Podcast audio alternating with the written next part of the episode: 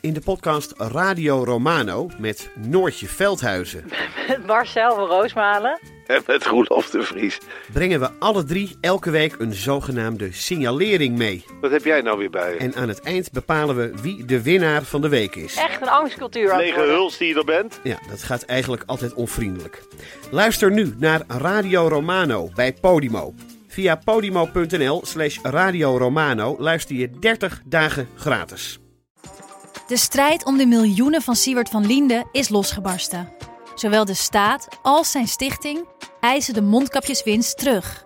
Maar dat die opbrengst in ieder geval niet thuis hoort bij Van Liende, daarover kan toch eigenlijk geen twijfel bestaan. Hoe kon het zo ver komen? Dit is het. We hebben beet. En als Siewert het geld teruggeeft, kunnen wij dit schandaal dan eindelijk loslaten? Je hoort het in de Mondkapjesmiljonairs, exclusief bij Podimo. Ga naar podimo.nl slash mondkapjes. Hallo, hier is uw wekelijkse podcast van de Groene Amsterdammer. Ik ben Kees van der Bos.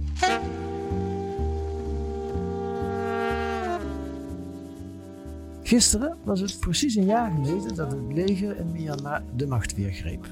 Weer, want Myanmar kent een traditie van militaire dictatuur. Sinds 2011 was er sprake van voorzichtige hervormingen, die tien jaar hebben mogen duren. Maar op 1 februari vorig jaar grepen de militairen opnieuw in. Maar nu is er sprake, nee niet voor de eerste keer, maar er is sprake van grootschalig verzet. Een burgeroorlog of een oorlog tegen burgers, waar wij hier in het Westen maar weinig van horen. Oorlogsverslaggever Minka Nijhuis kent Myanmar al zo'n 30 jaar en schrijft er regelmatig over, zoals deze week in De Groene. Dag Minka, goedemiddag of goede avond moet ik zeggen. Ja, het is bij mij avond. Het is bij jou avond, bij mij is het middag. En eh, wat betekent dat, avond in Bangkok, want daar zit je? Nou, ik eh, zit in een heel eh, prettig appartement waar ook een aantal collega's wonen. En ik heb een kat in huis, heel gezellig. En eh, verder is het natuurlijk een miljoenenstad hier. Ja. Dus eh, betonnen, betonnen jungle. Echt een enorm contrast met eh, waar ik een groot deel van de afgelopen weken heb doorgebracht. Ja, ja. Is dat je eigen appartement of huur je dat dan tijdelijk? Heb ik tijdelijk gehuurd, nou ja, tijdelijk voor een jaar. Oké, oké.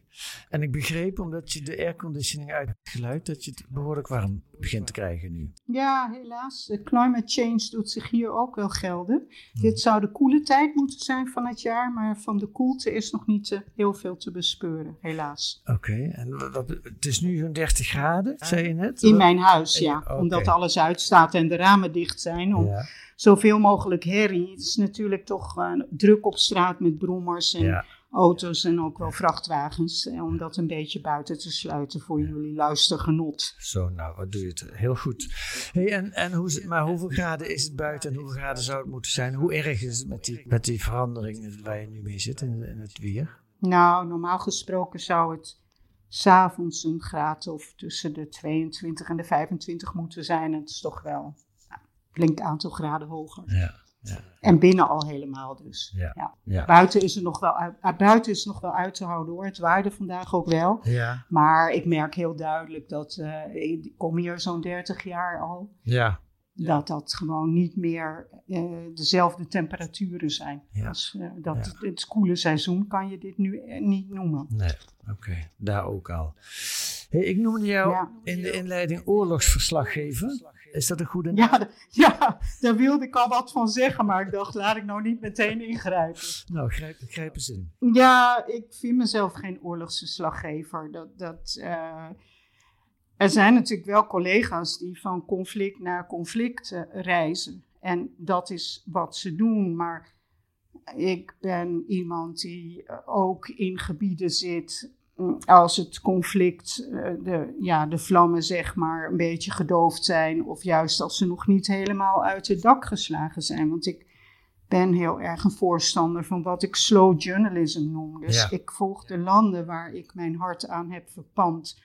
Die volg ik langdurig. En niet alleen als ze brandhaarden worden. Dus ik doe echt nog veel meer dan alleen maar eh, verslag doen van oorlog. En ik vind verslag doen van oorlog vind ik ook een ingewikkeld begrip, want dat klinkt net alsof je een voetbalwedstrijd verslaat, terwijl ja, de moeilijkheid van conflicten is juist dat je maar een deel van een hele ingewikkelde situatie vaak overziet en met elkaar eigenlijk als journalisten stukjes bij elkaar puzzelt om het complete plaatje te krijgen. Dus ik vind in meerdere opzichten vind ik dat woord oorlogsverslaggever niet uh, zo'n hele geschikte aanduiding. Nee, nee. Nou, eh, hoe zullen we het wel aanduiden? Je bent wel iemand die, ja, wat je zelf zegt, een aantal landen waar conflicten zijn erg goed kent, daar veel geweest bent en veel over geschreven hebt. Laat er een paar noemen: Oost-Timor, Kosovo, uh, Afghanistan en Myanmar. Uh, Syrië. Syrië, oh ja. Ja, Kosovo was ik aan de grens met, uh, dus eigenlijk in Albanië, maar aan de grens met ja. Kosovo. Ja. En niet in Kosovo zelf geweest. Ja. Maar ja, dat klopt. Ik, ik, ik ben wel in een aantal landen geweest op momenten dat het daar oorlog was. Maar voor mij houden de verhalen niet op als uh, het wapengekletter uh, verstond. Nee. Ook omdat je vaak weet dat die uh, momenten lang niet altijd, die momenten van vrede ook lang niet altijd uh, blijvend zijn. Zoals je nu helaas ook weer in Myanmar ziet. Ja, daar komen we zo op. En het blijkt ook uit de manier waarop je over het conflict schrijft. Dat is ook niet alsof je een voetbalwedstrijd verslaat, maar veel meer alsof je een, een maatschappij beschrijft waar, waar, wel hele heftige dingen gebeuren. Uh, daarover zo meteen. Maar eerst nog, ik heb ook ter voorbereiding van dit gesprek jouw mooie boek Gekkenwerk gelezen. Uh, twee jaar dat is niet zo lang hè, twee jaar geleden uitgekomen. En ja. Lotte, de hoofdpersoon van het boek, die schrijft daarin aan haar neef Alexander over haar belevenissen. En die belevenissen lijken wel heel erg veel op de belevenissen die de journalist Minka Nijhuis uh, meemaakt. Uh, Waarom heb je voor die figuur gekozen om het in een boek te beschrijven? Dat snap ik wel, want je hebt nogal wat te vertellen. Maar om het op die manier te vertellen? Ja, ik voelde me vrijer als uh, Lotte iemand was die niet naadloos uh, op mezelf paste, zeg maar. En, en ook uh, geen van de personages die in het boek voorkomt is een, een werkelijk bestaande persoon. Dus het gaf me gewoon ook meer vrijheid om te schrijven. En ik vond ook de persoon Lotte, natuurlijk zijn er overeenkomsten en zeker in wat ze meemaakt met wat ik zelf heb meegemaakt, maar ze is toch een wat andere persoon dan ik. Ze stapt er wat uh, naïver en onbevangener in, in het vak. En dat leek me gewoon ook een makkelijker iemand om de lezer uh, bij de hand te nemen van een, uh, een nieuwkomer in het vak die gewoon heel erg graag de wijde wereld in wil als journalist tot iemand die uiteindelijk toch een behoorlijke routinier wordt. Ja. Dat leek me ja. Lotte een makkelijke personage. En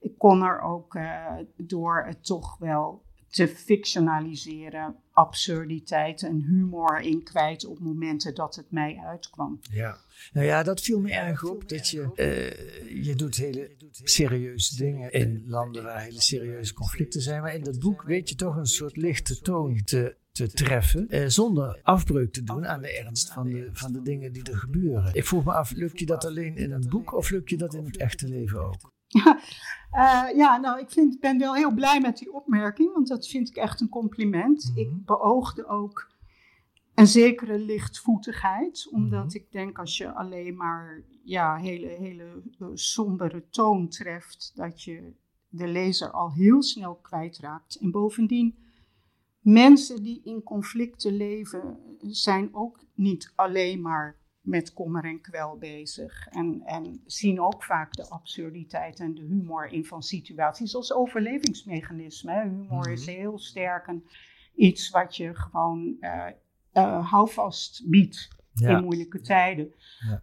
Uh, en in mijn echte leven zie ik, heb, ik, heb ik dat ook wel. Ik kan wel, ondanks alle herinneringen die ik heb aan hele ernstige, verdrietige dingen die ik heb gezien. En mensen die ik ben kwijtgeraakt of mensen die, terwijl ik hier nu met jou zit te praten, in mijn gedachten zijn, omdat ze op dit moment in de gevangenissen van Myanmar gemarteld worden.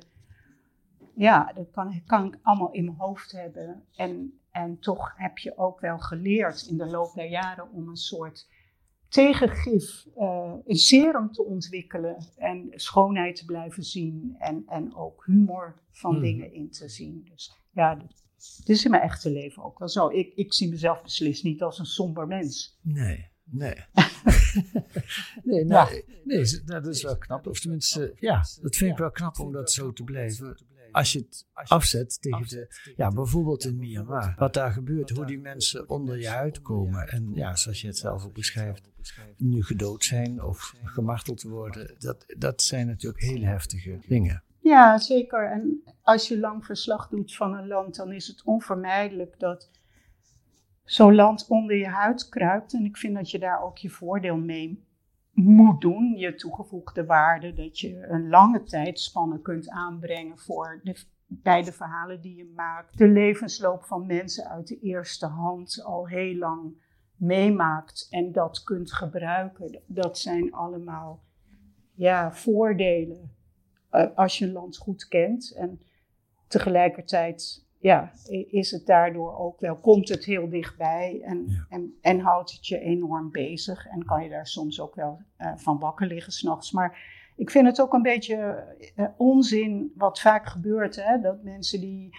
als journalist in conflictgebieden werken, dat die zo bewierookt worden alsof ze heel heldhaftig zijn. En ja, ik bedoel, het is geen opoffering om dit vak te doen. En je doet het eh, uit vrije wil. En er is geen reis waar ik niet van terugkom. En dat ik dan denk van nou, ik heb toch weer fantastische mensen ontmoet. En die zullen mijn hele leven bij me blijven. En dat vind ik ook, dat zijn de mooie dingen aan het vak. Ja.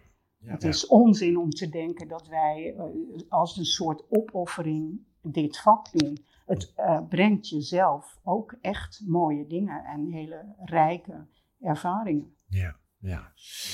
Ik eh, ga je iets laten horen, een fragment wat je mezelf toegestuurd hebt. Dan gaan we het er zo over hebben. Luister.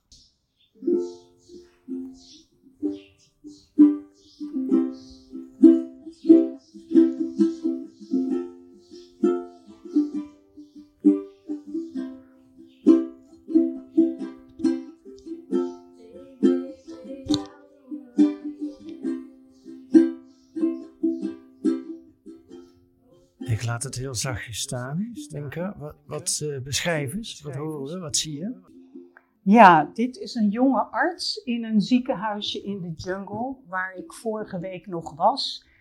En dat ziekenhuisje bevindt zich in het gebied van de etnische minderheid de Karen. Maar daar zijn mensen naartoe gevlucht die uit de steden van Myanmar komen.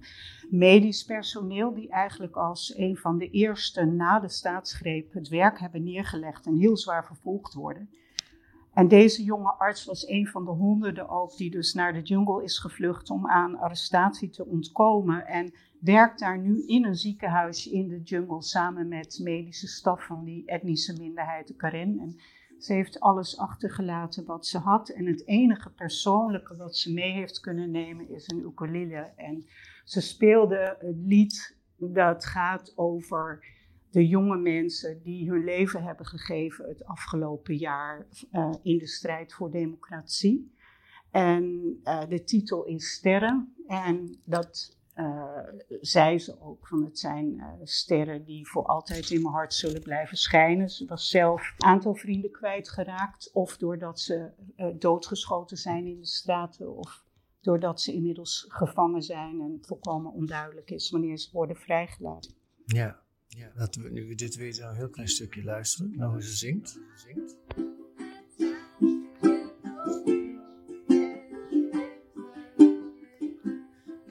Het, heeft iets van de romantiek. Ja, de, daar zit ook beeld bij, maar dat, moet, uh, dat kan sowieso niet in de podcast. Maar dat, zou ook, dat mag helemaal niet naar buiten, hè, want dat zou gevaarlijk zijn. Het zeker, heeft, zeker. Het heeft, het ja. iets van de romantiek van uh, guerrilla-oorlog. Nou, zij vertelde toch een wat ander verhaal. Ze, ik vroeg haar wat ze deed om het vol te houden. En het is namelijk ook zo dat dat ziekenhuisje in een gebied ligt waar gevochten wordt en uh, al iets verderop vrij zwaar gebombardeerd door het leger van Myanmar. Met helikopters en gevechtsvliegtuigen. En dat lot hangt ook het ziekenhuisje boven het hoofd. En uh, het, ze lieten me daar de, de schuilplaatsen zien die ze hebben. En dat stelt heel erg weinig voor. Dus ze zitten daar eigenlijk zonder bescherming wilde toch per se haar werk voortzetten. En hmm. nou, van ja, hoe doe je dat dan? Hoe hou je dit vol? En toen vertelde ze eerst dat ze vooral s'nachts dat het gaat spoken in haar hoofd. Want ze ligt in een heel klein kamertje met vier matrassen met andere uh, jonge medische staf. Mhm. En dan denkt ze aan die bombardementen die vaak vooral ook s'nachts plaatsvinden om extra beangstigend te maken voor mensen. Uh, maar toen vertelde ze ook van dat, dat ze zingt, dat ze daar uh, zichzelf en anderen weer mee opbeurt. En uh, nou ja, natuurlijk is de volgende vraag die je dan als journalist stelt, wat zing je dan? Mm Nou, toen had ze dus dit niet en ze had ook Yesterday van de Beatles. All my troubles seem so far away. Maar dat heb ik maar niet aan jullie doorgestuurd. Het Burmeese lied leek me mooier, ook omdat je dat echt nu overal hoort bij de ja, honderdduizenden mensen die zich uh, uh, actief hebben aangesloten bij verzet en, en, en de vele miljoenen die het in hun hart meedragen, ook die strijd. Dus dat leek me toch iets beter dan de Beatles. Heeft het enige kans van slagen, dat verzet? Want hoe sympathiek het ook is, ze vechten tegen een leger wat al tientallen jaren aan de macht is in, in Myanmar. De ene keer wat opzichtiger dan de andere keer. Hebben ze kans? Ja, in de in de buitenwereld is natuurlijk heel erg het beeld bekend van de gruwelen die het leger pleegt. En dan zie je verbrande dorpen en, en uh, lijken en, en mensen die in de straten worden neergeschoten. En dat gebeurt ook allemaal en dat is ook heel afschuwelijk. Maar tegelijkertijd is het wel zo dat het leger voor het eerst in zijn geschiedenis doordat tegelijkertijd mensen in de steden in opstand zijn gekomen en ook een groot deel van de gebieden van de etnische minderheden die al decennia eigenlijk sinds de onafhankelijkheid van 1948 in een strijd verwikkeld zijn, af en aan met de junta. En die gebieden zijn nu tegelijkertijd en ook met een zekere saamhorigheid zich aan het verzetten en um, ja, tegen, tegen de junta nog staande houdt een jaar later, bestaat uit verschillende componenten. Je hebt mensen in de steden die nog steeds kleine demonstraties plegen. De massale demonstraties zijn voorbij, maar elke dag wordt er nog geprotesteerd. Mhm. Eh, verder is het ook zo dat er stakingen zijn, dus grote delen van het land liggen plat. Het betalingsverkeer werkt niet, ook voor de autoriteiten natuurlijk een probleem. En dan heb je als een soort derde component, heb je dus de gewapende strijd, waarbij hele ervaren legers van etnische minderheden zich min of meer coördineren. Het gaat niet altijd even gladjes, maar met mensen uit de steden die de wapens hebben opgenomen en die ook deels door deze minderheden getraind worden. Dus ja, het is een, een, een, een situatie die de groente nog nooit eerder heeft meegemaakt. Hm, dus het, wat ik, ja, wat ik daarmee bedoel te zeggen is dat het, ehm, als je mensen ook spreekt, dat het daardoor wel begrijpelijk is dat ze denken dat ze deze keer een kans maken. Niemand wil de vreselijke prijs onderschatten die al betaald is en ook zeker nog betaald gaat worden. En mhm. natuurlijk is er ook een economische malaise en heel veel mensen gaan in de armoede belanden. Dat gaat om miljoenen. Er zijn honderdduizenden ontheemden inmiddels door deze nieuwe eh, strijd en, en ook oorlog die is opgeleid. En er is veel te weinig humanitaire hulp. Dus ja, dat is allemaal een hele hoge prijs. En toch zijn mensen bereid om die te betalen, omdat ze denken: het is nu of nooit en we hebben een kans. En kun jij als journalist daarin, kun je daar, heb je dan enige grip op wat er gebeurt? Nou, ik, ik merk wel dat het gewoon een voordeel is dat ik het land al 30 jaar volg. Mhm. En ja, er blijven elke dag natuurlijk uh, nieuwe dingen die je hoort. En het is een heel complex land. Alleen al etnisch en religieus zijn er zoveel groepen met verschillende agenda's en geschiedenissen. Maar na 30 jaar eh, begrijp je wel een beetje hoe iets in elkaar steekt. En, en wat ook het voordeel is, dat ik nog wel toegang heb tot het land. Doordat mensen bereid zijn om me mee te nemen hm. eh, de jungle in. Hm. En daarmee ben ik eigenlijk weer terug bij waar ik 30 jaar, meer dan 30 jaar geleden als jonge journalist ook ben begonnen in de jungle van Myanmar. Ja, dat beschrijf je ook in dat boek. En heb je toen natuurlijk een tal van artikelen beschreven. Hoe ziet het er verder uit? Is het verder te vergelijken wat je nu meemaakt in die jungle en wat je 30 jaar geleden meemaakte? Ja, gedeeltelijk natuurlijk wel. Hè. Dat, is, dat is ook de tragiek. Eh, weer is het oorlog. Weer zijn mensen bij tienduizenden op de vlucht. Weer zijn ze in de buurlanden niet erg welkom. Uh, weer zijn het jonge mensen uit de steden die, die hopen uh, dat deze revolutie een kans van slagen heeft. Met alle soms te hoge verwachtingen, uh, maar ook wel ja, oprechte idealen die, die je wel kunt respecteren. Dus dat soort overeenkomsten zie ik wel met vroeger en ook het wantrouwen wat etnische minderheden hebben mm. naar de stedelingen, die voor een deel van de Burmaanse uh, meerderheid afkomstig zijn. Dat zijn allemaal ingrediënten die ik herken. Maar tegelijkertijd ja, gaat het inmiddels ook om een land waar een jonge generatie die heel erg het voortouw heeft genomen in deze protesten. Toch heel anders dan de generaties voor hun. De afgelopen tien jaar een zekere mate van vrijheid heeft geproefd. En, en ook alle vaardigheden om slim gebruik te maken van internet en technologie. Om die in te zetten. En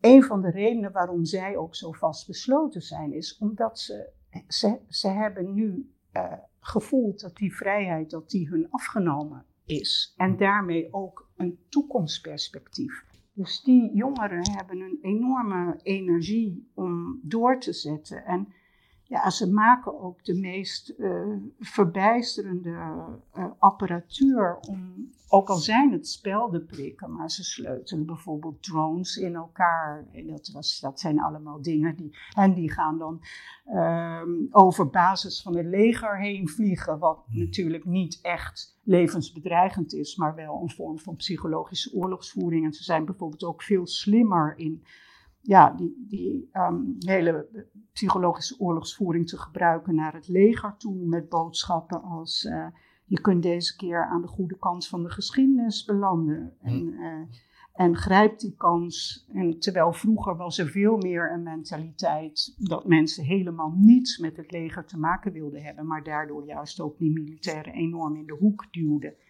En nu zie je bijvoorbeeld wel daardoor dat, ook al is het nog niet massaal, maar er zijn wel meer, meer deserteurs inmiddels dan ooit tevoren in de geschiedenis. Dus er zijn wel degelijk uh, nieuwe elementen in het verhaal, die, ja. die, dit ergens ook wel kansrijker maken ja. dan uh, voorheen. Ja, ook die arts die, die dat liedje zong, dat is ook zo'n jong iemand, hè? Ja, zeker. En ja, die, die uh, heeft toch besloten alles achter te laten en dit te doen. En ook geen spijt. ondanks de moeilijke omstandigheden. En ook wel heel erg geraakt door de omstandigheden waarin ze kwam. Ze komt uit de stad en werkte in een normaal ziekenhuis met alle beperkingen in een toch nog altijd arm land, wat Myanmar is, maar niet te min. Was ze een moderne arts en nu werkt ze in een jungle ziekenhuis en, en ziet daar gewoon een bevolking die al decennia lang is achtergesteld door het centrale gezag. En spreekt ze mensen die al zo vaak hebben moeten vluchten dat ze de tel zijn kwijtgeraakt. En, ja. en dat, dat ziektes als ja, infecties eh, en andere vrij simpele eh, ziektes als diarree, et cetera, gewoon dodelijk kunnen zijn. En dat schokt haar enorm. Dus ze heeft, net als vele anderen, eh, committeert ze zich er heel erg aan om, om hier te blijven. Dat zijn dingen die ze in de stad niet wist, dat dat zo gebeurde.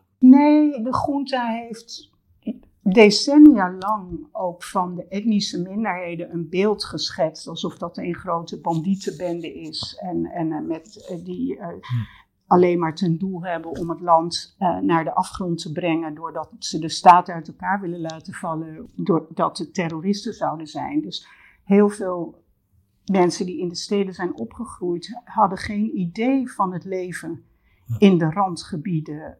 En dat is ook als je voorheen in de straten van Yangon of Mandalay, de grotere steden liep, dan was het ook heel makkelijk om die junglegebieden te vergeten. Ik, ik heb altijd het geluk gehad dat ik als jonge journalist eerst in die jungle verslag ben gaan doen en Mhm. later dan eh, undercover in de steden rondliep, waar het leven ook heel grote moeilijkheden had. Want de onderdrukking was er enorm, maar er was geen oorlog. Ja.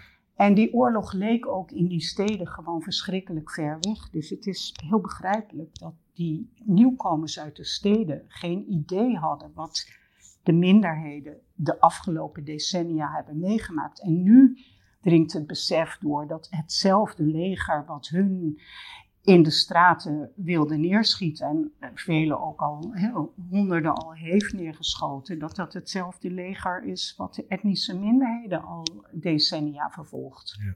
En dat geeft wel een nieuwe band tussen die verschillende groepen, ook al is er historisch gegroeid wantrouwen en, en is dat nieuwe, die nieuwe coördinatiesamenwerking is fragiel, maar hij is er wel. Ja. Er gebeuren wel opmerkelijke nieuwe dingen daar in, in, de, in eh, Myanmar. Ja, in dat opzicht zijn er ook zeker wel eh, lichtpuntjes. En er is ook een, ja, een generatie die zijn spijt openlijk uitspreekt. Dat ze zo weinig oog hebben gehad voor die zware vervolging. Ook die van de moslimminderheid, de Rohingya bijvoorbeeld. Eh, waar, waar de wereld dan wel van gehoord heeft, die, die, waarvan ja, honderdduizenden verdreven zijn naar buurland eh, Bangladesh. En waar ook eh, hele zware etnische zuiveringen zo niet genocide verdient. Dat was het werk Dat van hebben- het leger, neem ik aan. Ja, Ja. ja. en Ja. dat hebben toch heel veel mensen in de steden, eh, of in ieder geval in, in centraal Myanmar, niet serieus genomen. En daar komen ze nu wel meer op terug. Ja. Ja. Hoe kun jij, nou wat kun je daarover vertellen, dat is ook een ding. Hoe kun jij je, je journalistieke werk doen? Ja, bij landen waar je. In, in, in landen waar dictatuur de dienst uitmaakt, ben je natuurlijk als pottenkijker die je als journalist bent helemaal niet welkom. En juist dan is het belangrijk dat je die oude connecties hebt en, en, eh, en een breed netwerk. Waar je toch de gaatjes in het systeem zoekt en, en ook de tijd neemt om naar mogelijkheden te zoeken. Dit is niet een situatie die zich leent voor smoke jumpers, zoals we onderling wel eens de mensen noemen die van conflict naar conflict gaan. En, eh, het kost gewoon tijd en geduld en een oud en netwerk. En, en dan is er heel veel mogelijk. Dus dat is ook een van de redenen waarom ik wel het land binnen kan, al is het dan niet officieel. Ja, ja. En dat zou ik ook op dit moment niet willen, omdat je bent als buitenlander momenteel zo zichtbaar. En iedereen die je eh, bezoekt is verdacht. En eh, voor jezelf, het kan zijn dat je wordt opgepakt, maar het is waarschijnlijker dat je het land wordt uitgezet. Maar de consequenties voor de mensen daar zijn vele malen erger. Dus ik kies ervoor om op andere manieren mijn toegang te verschaffen. En, en dat is gelukkig mogelijk. Ja. Nou, dat lezen we allemaal in jouw artikel. En er zit ook iets van hoop. Gisteren was het 1 februari, was het één jaar precies na de coup. Eh, hoe is dat eh, in Myanmar herdacht? Ja, er was een stiltestaking aangekondigd en die is ook heel breed uitgevoerd. Ik kreeg al vrij snel in de ochtend foto's toegestuurd van plekken die me natuurlijk vertrouwd zijn. Onder andere in de miljoenenstad Yangon. En een van de drukste verkeersaders in de stad, waar normaal echt verkeersopstoppingen zijn, was het uitgestorven. En degene die me de foto stuurde vertelde ook dat er was een legerwagen langsgekomen, maar een grote legertruck, maar er zaten maar vier soldaten in. Dus hij maakte ook een grap van, ja, ze hebben, ze, ze hebben niet eens genoeg eh, soldaten meer om zo'n uh, truck op te vullen. Ja. Dus ja, dat, dat was een, um, een wederom, het is de tweede keer dat zo'n staking is uitgevoerd, was het gewoon een hele massale afwijzing van het bewind van de militairen. En dat is hoe de meeste mensen die dag uh, hebben, hebben herdacht ook.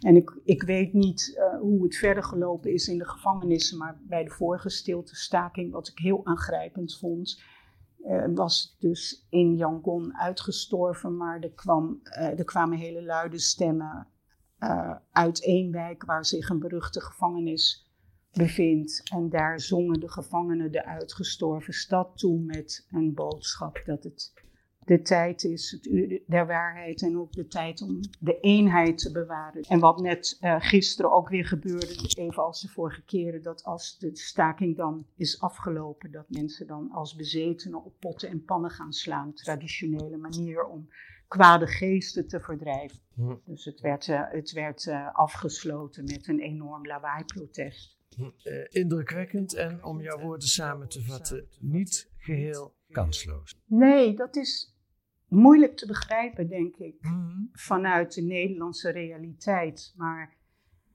uh, en, en de prijs is hoog, dat, dat valt ook echt niet weg te poetsen. Maar ja, mensen willen dit doen en um, willen ook dat kleine beetje vrijheid wat ze gehad hebben niet meer kwijt. En ze hebben het gevoel dat het deze keer niet kansloos is. En dat maakt dat ze dan toch doorgaan. En dat is iets wat wij ons in het comfortabele Nederland natuurlijk bijna niet meer kunnen voorstellen. Dat je bereid bent om zo'n prijs te betalen. En je zegt, ze hebben het gevoel. Heb jij dat gevoel ook, dat het niet helemaal kansloos is? Ik zie wel dat het leger in heel zwaar weer verkeert. En, en dat uit zich ook doordat, uh, ja, er zijn gewoon niet genoeg troepen. En in delen zijn, van het land zijn ze de controle gewoon kwijt. En zijn het gewapende groepen of burgerbewegingen die al een bestuur zijn gaan vormen. Er worden veel bombardementen uitgevoerd Juist omdat er niet genoeg manschappen zijn. Dus je ziet wel die indicaties ook. Genoeg verhalen dat militairen voor hun eigen inkomen moeten zien te zorgen. Maar ja, um, het is heel erg moeilijk hm. te zeggen waar het uiteindelijk heen gaat. En of mensen dit inderdaad vol kunnen houden. En ze staan wel tegenover een geweldsmachine die zijn burgers als de vijand ziet en zich gedraagt als een bezettingsmacht. Hè? Dus ik vind ook dat woord burgeroorlog vind ik zo'n containerbegrip. Mhm. wat, wat, zegt het nou eigenlijk? Het burgeroorlog in Myanmar, ja, maar die bestaat uit zoveel aspecten. Het is een oorlog tegen burgers, het is een oorlog van etnische minderheden en een regime. Ja. Uh, het heeft gewoon heel erg veel componenten. En hoe zich dat uiteindelijk gaat uitspelen. Ja, het leger is ook gewoon een gesloten bolwerk en een staat in de staat. Er is nog nooit eerder eigenlijk van binnenuit een groep geweest die heel hardhandig heeft afgerekend met een andere fractie. Er zijn wel ja, machtsspelen geweest. Mhm. Maar dat er echt een groep zal opstaan, bijvoorbeeld, die deze legerleider aan de kant schuift en, en onderhandelingen zal beginnen. Ja, het is niet geheel ondenkbaar, want de hele situatie is gewoon uh, historisch in die zin en ongekend. Ja. Maar het kan ook zijn uh, de, dat dit, wat, wat er nu gebeurt, gewoon nog maandenlang doorgaat en, en heel erg veel levens kost. Ja, ja. Goed, Minke Nijhuis, dankjewel voor dit gesprek. Graag gedaan. Dat kunt u uh, lezen deze week in De Groene. Wat staat er nog meer in? Dus de start van een nieuwe serie. Elementen voor de toekomst heet die. En dit keer gaat het over het element lithium. De hele wereld wil dit element mijnen, want we hebben het nodig om elektriciteit op te slaan. En dat levert weer nieuwe uh, krachtsverhoudingen op. En een stuk van Job de Vriezen over leven met COVID. Zijn conclusie ook na Omicron blijft het hard werken om het virus eronder te houden. Dat kunt u lezen met een abonnement of een proefabonnement. Ga naar groene.nl. Daar wordt u uitgelegd hoe u 10 weken de groene kunt krijgen voor 15 euro. U kunt reageren via de mail op ons uh, gesprek in deze podcast. En die mailadres is podcast.groene.nl. Intussen kunt u ons ook sterren geven in uw podcast-app, daar worden wij weer blij van. En volgende week zijn we er weer met analyses en achtergronden bij het nieuws in deze podcast van de Groene Amsterdammer, die deze week werd gemaakt door Maria van Dordrecht en Kees van der Bos. En de muziek is A Tune for N van Paul van Kemenade.